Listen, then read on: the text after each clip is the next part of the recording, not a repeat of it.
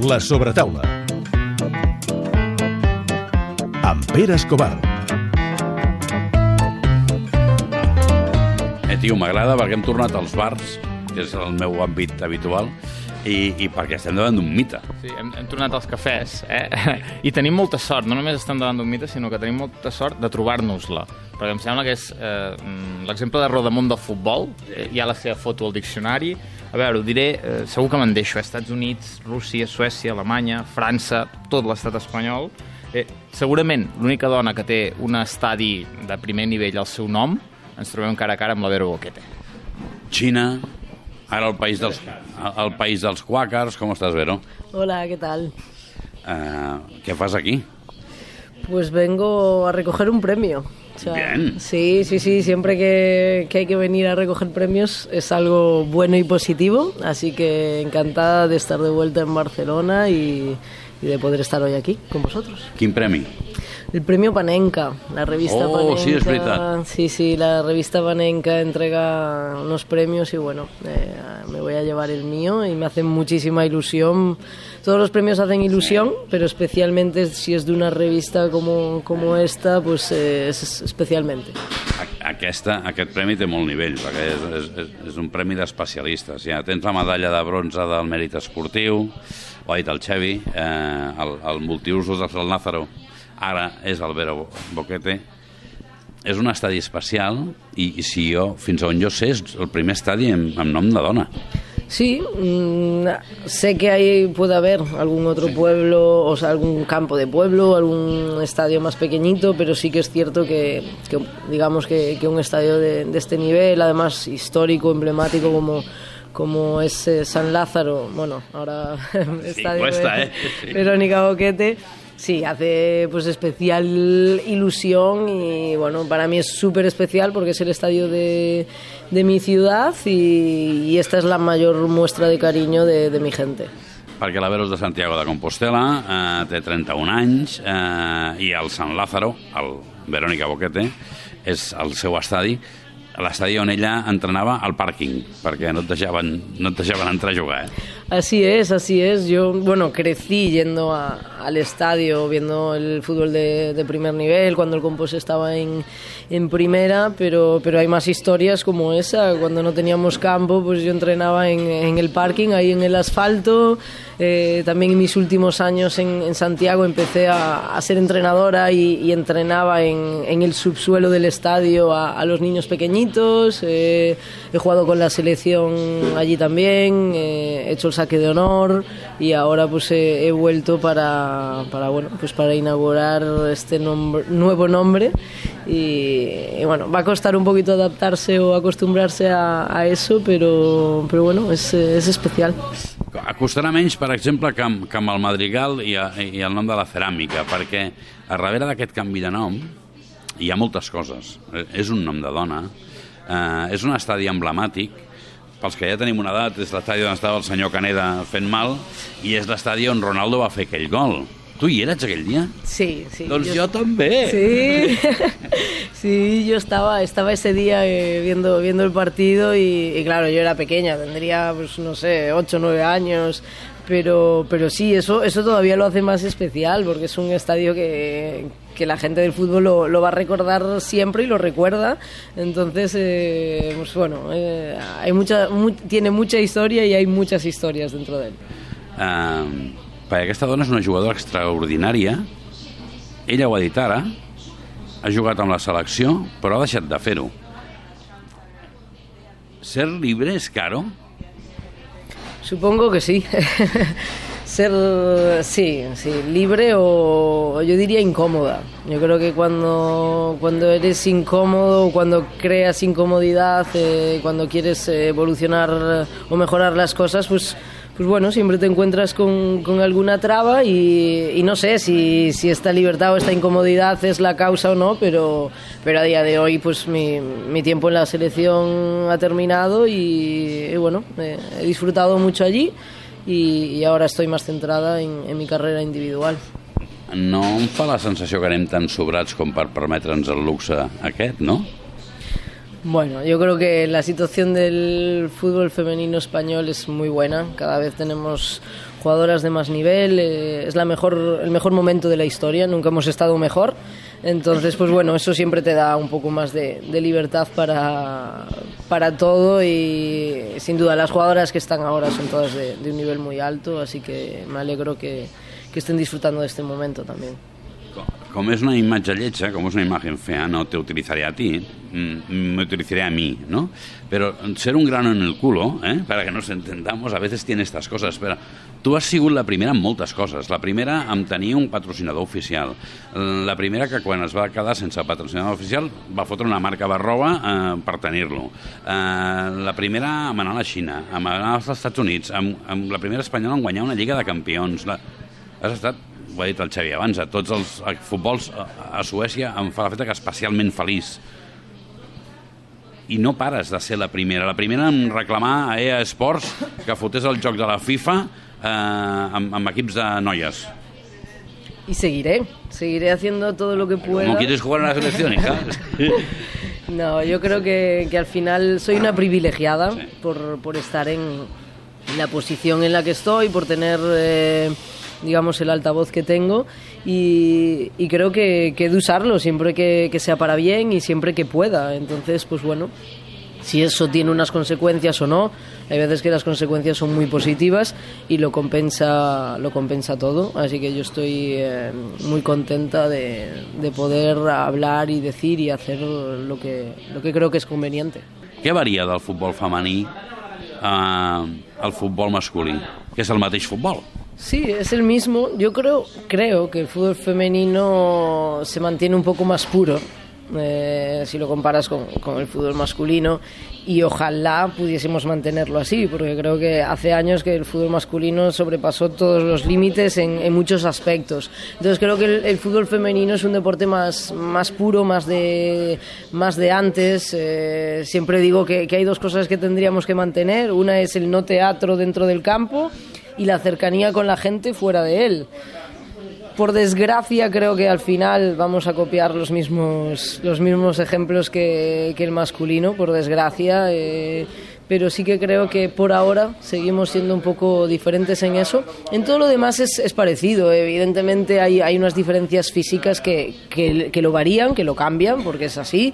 Las diferencias físicas son insalvables. El, fútbol femenino, pues eh, es, la mujer es, no es tan rápida, no es tan fuerte, entonces eh, eso lo, lo cambia, pero a nivel de, juego, de conocimiento, tácticamente, técnicamente.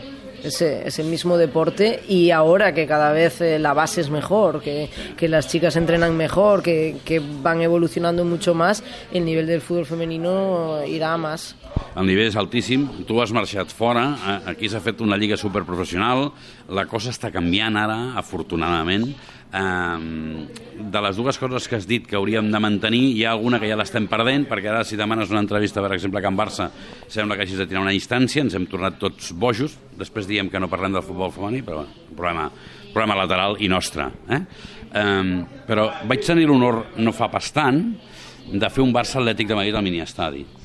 Imagina't, amb 40 anys de feina no ho havia fet mai, no havia fet mai un partit de, de futbol de noies. Em va agradar molt, eh, hi ha unes jugadores extraordinàries, fan coses brutals. És veritat que no és tan fort físicament, però em va sorprendre un canvi molt gran amb, amb respecte a l'altre futbol. I és en les porteries. Eh, M'agradaria saber si tu tens alguna opinió al respecte. Eh? Les porteres no, ha, no han arribat encara, i arribaran segur, però no han arribat encara al nivell de, que heu arribat altres jugadors de camp. Sí, creo que es una carencia, digamos, todavía en el fútbol femenino. Eh, Hay porteras mu- muy buenas, eh, tanto en España como, como a nivel internacional, pero sí es cierto que, que va un poco por, por abajo, pero tiene su explicación. Y es que hasta prácticamente ahora contar con un entrenador de porteros era muy difícil en el fútbol femenino porque si no había dinero para tener un entrenador y un segundo entrenador o un preparador físico, menos había para un entrenador de porteros porque digamos que no era una prioridad. Entonces, eh, a- poco a poco los staff técnicos están siendo más amplios, eh, das más cobertura a todo y, y- y- y esa posición de portero es una, una situación muy específica que se da de trabajar de una manera muy específica y, y hasta ahora no, no tenías esa opción. Entonces, claro, pues eh, hay mucho más trabajo por hacer en, en esa posición que en el resto pero está llegando, está llegando y cada vez las, las porteras vendrán mejor trabajadas porque podrán trabajar mejor en la base y llegarán al máximo nivel mucho más preparadas. M'agrada aquesta resposta perquè, perquè necessitava una resposta, perquè no ho entenia. Ja, ja sé que hi ha un problema cultural, vull dir, les noies us heu afegit a l'esport molt més tard eh, per un, un tema cultural de, de la història, eh? però m'agrada aquesta resposta perquè l'entenc. Eh, escolta'm, el futbol ha canviat tant que ja, tu ja no t'has de, de comprar les botes, vull dir, Exacto, mira se ha cambiado, mira se ha cambiado que, que yo ya no tengo que comprarme las botas y la mayoría de, jugadoras de, primera división aquí o en cualquier otro país no tienen que comprarse las botas. Eso hace un par de años era im- impensable. Sea, totalmente impensable. Entonces, pues bueno, vemos que, que hay una evolución muy grande en, en todos los sentidos y, y yo creo que en los próximos años será todavía más. Escolta, jo sóc molt, molt, molt curiós, eh? eh? Tu has jugat amb Marta. Marta és aquella senyora que cada que hi ha una entrega de pilota d'or li toca, eh? o la guanya, vaja, no li toca, la guanya perquè és molt bona, no? Eh, com és aquesta dona? Muy buena, muy buena. Es la mejor jugadora de, de la historia y, y yo creo que pasa un poco como, como con Messi. ¿Van a hacer otro Messi? ¿Va a haber otro Messi en el futuro? Eh, a mí me cuesta creerlo.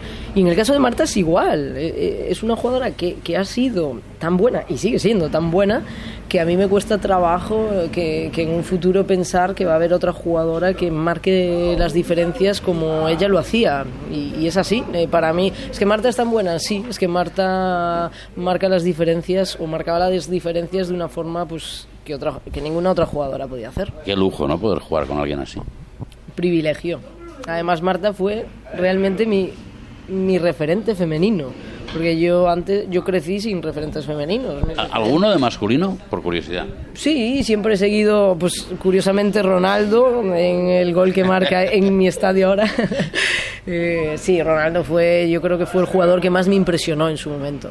Yo no, no había visto un jugador con esa potencia, esa calidad eh, antes que él. Y, a nivel femenino, pues bueno, como no había mucha información, yo no sabía que, que había ligas profesionales ni, ni que había posibilidad de jugar en la selección, no sabía nada de esto. Entonces, Marta fue un poco eh, esa jugadora que, hombre, pues hay una jugadora en Brasil, Marta, que es que es muy buena, que esto, que ahora se ha ido a Suecia, que ella fue un poco mi, mi referente femenino y años después pues eh, jugamos juntas, eh, compartimos vestuario y, y a día de hoy pues tenemos amistad. Está muy bien esto de tener un referente, ¿eh? un ídolo. Yo, yo tengo, ¿eh? En varios campos. Y, Yo ídolos no, ya no. ¿eh? Bueno, pero, pero- pero porque te haces mayor, pero yo como sigo siendo un niño, eh, me, me gusta mantenerlos. No los pongo bajo la lupa, porque Exacto, entonces cae todo. Exacto, ¿vale? exacto, a eso me refiero. Con la edad cae todo, Bueno, que admiras, admiras Sí. a gente, idolatrar ya, ya no tanto. Però com sienta esto de ser ídolo? Perquè tu lo eres. Avui he vist una fotografia d'una noia de l'Estartit en una jugada eh, a, la, a la que feia referència, eh? Stefan. Saps qui et parlo, Sí, no? sí, sí. Eh, I parlava de tu com si fossis el fill de Déu, perquè tu també ets un referent. Sí, soy consciente, soy consciente de que soy un, referente porque, porque bueno, pues por todas las, por cómo ha sido mi carrera, por todo lo que, lo que he conseguido y, el momento del, fútbol femenino que, que he vivido también. Entonces, el ser referente para mí es, es una motivación. O sea, eh, si yo me mantengo al máximo nivel tantos años es por cosas como esta, por ser referente y, y que inconscientemente te exige, te exige estar al máximo nivel, te exige luchar por títulos, te exige eh, tanto dentro como fuera ser un buen referente. Entonces, pues bueno, para mí es un, es un lujo y, y una motivación. ¿Dónde se come el mejor pulpo gallego en Barcelona? Perquè aquesta dona celebra els gols amb, fent el senyal del pop. En Vigo sí que sé dónde, pero en Barcelona no. Barcelona tiene varios, varios sitios. Hay varios eh, restaurantes gallegos que lo, que lo hacen muy bien. Aunque, bueno, yo siempre que vengo a Barcelona intento comer cualquier otra cosa, porque el Bueno, pulpo yo me lo sí. como en Galicia. Eh, ho y- entenc perfectament. Sí, sí, sí, no se puede nunca comparar. eh, entonces, pues bueno. eh, pero la verdad es que en, en Barcelona yo siempre me siento muy a gusto porque porque hay, hay muchos restaurantes gallegos, eh, no sé, el ambiente de la ciudad me encanta. eh, es un- El logo de, de la teva roba esportiva és un pop. Bueno, es, es algo parecido, Es sí, sí, sí, sí. Realmente también es, es realmente el logo es, eh, es una V y una B. Sí. Lo que pasa es que luego simula, parece una cara, que es eh, lo que mi celebración, llevándome la mano a la cara y, y que esto... Este pulpo está poco hecho, ¿eh? Este pulpo está poco hecho, sí, sí, sí, sí. Pero bu- bueno, muy hecho, porque ya lleva muchos años, sí, lleva sí. muchos años. Y esto surgió pues para, para dedicárselo a mi gente. Eh, oye, ahora que te vas, cuando te veamos, te- tiene- tenemos que encontrar algo que, que, que sepamos que es para nosotros y que mejor pues que, que eso. Ahora ya en todos los países en los que he estado saben que, que el pulpo es la típica comida de, de Galicia y, y eso también me hace, me hace sentirme muy orgullosa. Eh, he llegit una frase d'ella eh, que diu, aviam si la trobo per aquí, perquè ho he apuntat en el meu iPad, no? El, el destino me hará volver a casa. I he pensat, això vol dir que tornarà a Barcelona? Perquè havia estat a l'Espanyol un parell o tres de vegades. No. És evident que casa és Santiago de Compostela. Això crec que ha quedat... Eh? Santiago, sí, Santiago. Casa, yo sí digo casa es Santiago, pero sí es cierto que, que en cierta manera también siento al español como mi casa. Eh, al final eh, el español me, me ha dado o me ha impulsado en mi carrera. He vivido unos años fantásticos aquí y, y yo no nací perica, porque no, no nací, no tenía ninguna conexión con el español, pero en mi tiempo en, en, en Barcelona y en el club, pues eh, me enamoraron y, y ahora es el club que siempre sigo. Si haguessis nascut més tard, és a dir, si arribessis ara al futbol i et trobessis tot molt més endreçat, molt més pla, molt més... Què hagués passat? T'haguessis acomodat? Què hagués passat? Nunca lo sabremos. Nunca lo sabremos porque no lo sé. Por cómo soy yo a día de hoy, creo que no. Creo que no me acomodaría, creo que aprovecharía todas las condiciones que- y todas las oportunidades que, que se tienen ahora para, para poder tener una carrera larga y exitosa. Pero, pero bueno, también yo valoro mucho el tiempo en el que yo he vivido y en el que estoy viviendo mi carrera porque, porque creo que me ha hecho ser como soy.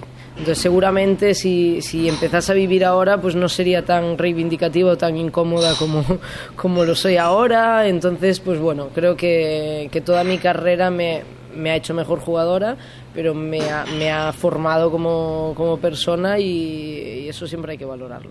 Uh, vaig acabant ja, perquè si no aquest em matarà. Um, M'ha agradat un tuit espectacular que penges d'unes imatges d'un senyor que treu a passejar el gos però com a Pequín fa molt fred, el treu a passejar amb unes escales automàtiques. Llavors el pobre gos va caminant sobre les escales. I diu, es que aquí te lo puedes creer todo. Es que es totalmente. Yo cuando lo he visto digo, es que no me sorprende, no me sorprende porque he estado allí. He vivido en China, he estado en Pekín y cualquier cosa que pase allí no, no me sorprende. Es eh, realmente es un país a mí me, me ha gustado mucho mi experiencia, mi experiencia asiática, mi experiencia en China. He, disfrutado todos estos meses. Eh, a nivel deportivo me ha exigido muchísimo. A nivel personal, evidentemente también, porque es un, cambio brutal. Y, y bueno, pues ahora ver estas cosas desde la lejanía pues te hacen gracia.